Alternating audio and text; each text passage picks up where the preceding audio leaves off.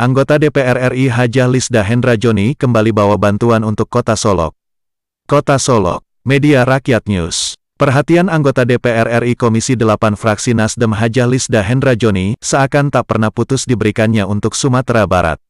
Tidak sekedar janji-janji kampanye, sejak terpilih dan dilantik menjadi anggota DPR RI, politisi Partai Nasdem tersebut telah membuktikan tidak sedikit yang ia berikan untuk kemajuan dan kemakmuran ranah Minang.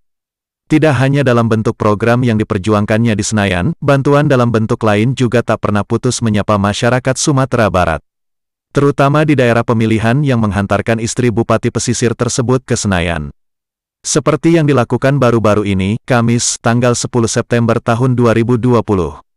Diwakili staf ahlinya Ira Yusfi, politisi Partai Nasdem tersebut menyerahkan bantuan operasional pendidikan (BOP) dari Direktorat Jenderal Pendidikan Agama Islam, Kementerian Agama Republik Indonesia.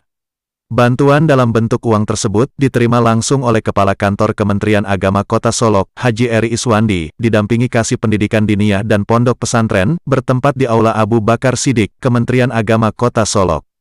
Ira Yusfi mengatakan, bantuan yang diberikan diperuntukkan untuk tiga pondok pesantren dan tujuh madrasah takmiliyah awaliyah di kota Solok, dengan rincian, bantuan diterima pesantren masing-masing 25 juta rupiah dan untuk MDTA 10 juta rupiah.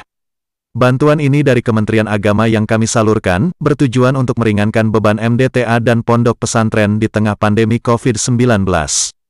Total bantuannya 145 juta rupiah, ujar Ira Yusfi. Lanjut Ira, sesuai harapan yang diikrarkan kota Solok sebagai kota Serambi Madinah, pondok pesantren dan MDTA di kota Solok bisa menjadi teladan, dan menjadi magnet bagi orang dari luar daerah, menyekolahkan anaknya di kota Solok.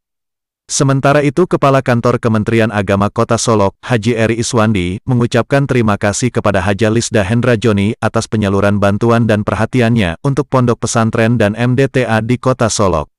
Alhamdulillah, dengan diperolehnya bantuan operasional pendidikan untuk tiga pondok pesantren dan tujuh MDTA di kota Solok, setidaknya dapat meringankan beban yang dirasakan dalam pandemi ini, ujarnya.